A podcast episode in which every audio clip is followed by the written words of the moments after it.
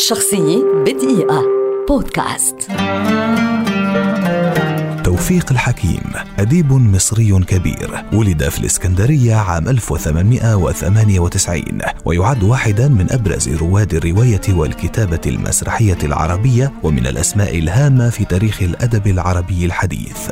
أرسله والده إلى فرنسا ليبتعد عن المسرح ويتفرغ لدراسة القانون ولكنه اطلع هناك على فنون المسرح الذي كان شغله الشاغل وقام بدراسة المسرح اليوناني القديم كما اطلع على الأساطير والملاحم اليونانية العظيمة.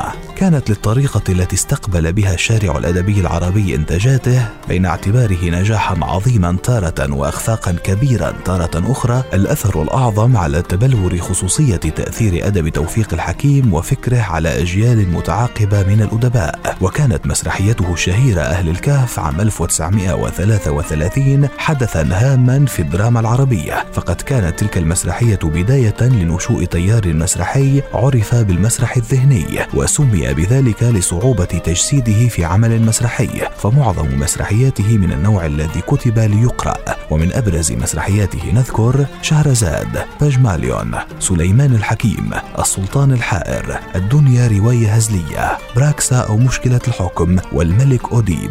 كتب توفيق الحكيم أيضا عددا من الروايات والقصص نشر بعضها في عدة لغات أجنبية وتحول بعضها إلى أفلام ومن أبرز رواياته نذكر يوميات نائب في الأرياف عصفور من الشرق وأشعب. كان الحكيم أول مؤلف استلهم في أعماله المسرحية موضوعات مستمدة من التراث المصري وقد استلهم هذا التراث عبر عصوره المختلفة سواء كانت فرعونية أو رومانية أو قبطية أو إسلامية. لكن بعض النقاد اتهموه بأن له ما سموه ميولا فرعونية وخاصة بعد روايته عودة الروح. بعد تبوئه العديد من المناصب الهامة وحصوله على الكثير من الجوائز والتكريمات وبعد مسيرة أدبية ثقافية استثنائية.